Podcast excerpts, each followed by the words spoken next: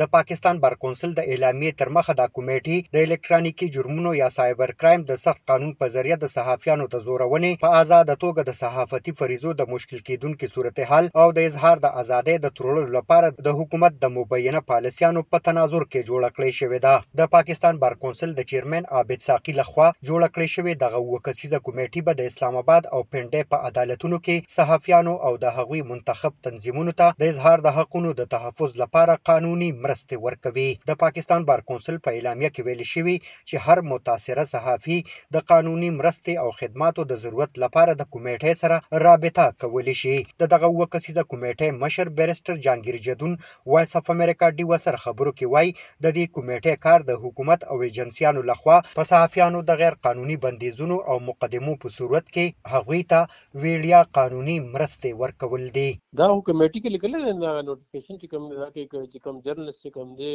هغه سه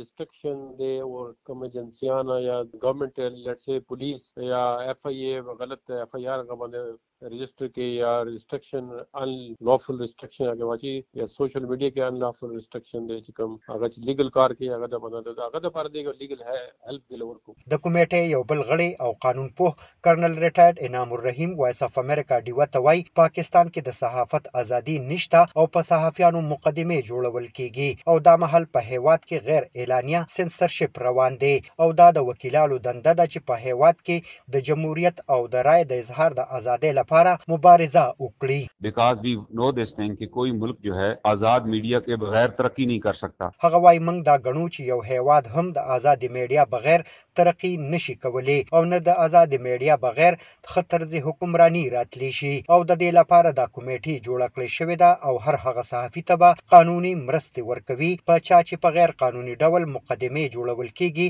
او بندیزونه پې لګول کیږي ښکاره دی وی چې په دې روستو کې د درې صحافیانو ابصار عالم بلال فاروقي او اسد علي تور پر ضد د فساد خورولو او غدارۍ د تورونو لاندې مقدمې درج کړې شوې دي او د هېواد تر ټولو د لوی میډیا ګروپ جنګ مشر میر شکیل الرحمن هم په تېرو شپږو میاشتو راهسې په جېل کې دی. په پاکستان کې د ازاد صحافت او د رای د اظهار دایره ورځ تر بله راتنګېږي او په دې لړ کې د صحافیانو تنظیمونه او سیاسي مشران هم وخت په وخت غږونه راپورته کوي. د پاکستان حکومت او وزیراعظم عمران خان په سنسرشپ کې د ککړتیا تورونه ردوي او حکومت وايي هغوی د صحافت په ازادۍ پوره باور لري. پاکستان فیډرلي یونین اف جرنلست په هیواد کې د صحافتي سند د خراب صورتحال ذمه وار نیغ په نیغه د پاکستان تحریک انصاف حکومت ګرځوي د پاکستان فیډرلي یونین اف جرنلست جنرال سیکرټري ناصر زیدي د پاکستان بار کونسل د دې اقدام هر کلی کوي کیونکه جرنلست جو ہے پہلی کرائسس میں ہے ان کے پاس وکیلوں کو